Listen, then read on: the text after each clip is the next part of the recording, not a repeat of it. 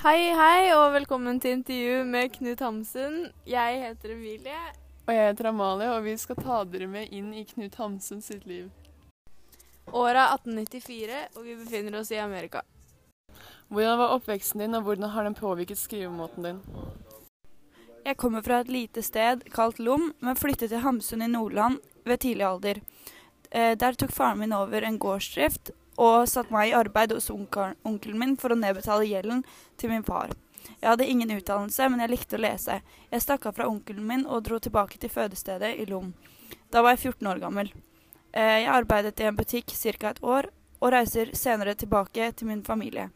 Familien har vært en viktig kilde til verkene mine, eh, som jeg har kommet ut med, der jeg skildrer ulykkelige og oppløste familier og mennesker.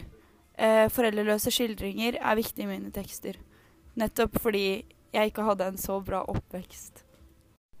Hvorfor er du nå i Amerika? Jeg reiste til Amerika for å hente inspirasjon, og har også vært i mange andre steder i verden, men jeg er mye tilbake i Norge. Det er et bedre liv her, eh, og et bedre byliv istedenfor gårdsliv. Og det er et bedre miljø for forfattere her enn det det er på bygda i Norge. Hva slags ideer er det du hadde til romanen 'Sult'? Jeg ville få frem virkeligheten fra et eget syn ved bruk av egen kreativitet. Jeg ville få frem sosiale avvik uten nære relasjoner, og vise virkemidlenes funksjoner ved mye bruk av sammenligning i romanen. Jeg ville vise kjærligheten til mennesker og natur, og aller mest ville jeg slå gjennom som forfatter med noe nytt. Hva var målet med denne romanen? Man kan kalle den en slags biografi hvor forfatterlivet eh, mitt ikke går så bra. Jeg er sulten etter suksess og mat og en bedre økonomi. Jeg vil få frem skildringen av det ubevisste sjeleliv, og jeg trengte virkelig et gjennomslag for å få en bedre økonomi. Derfor endret jeg skrivemåte og så et lys i enden av tunnelen.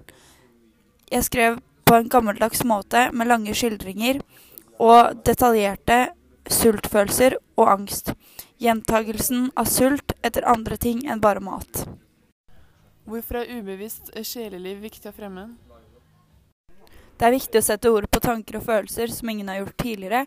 Og øh, grunnen til at jeg tror ingen har gjort dette tidligere, er pga. normer og fordommer i samfunnet. Hvem er jeg-personen i Sult, og hvorfor er det så viktig med anonymitet?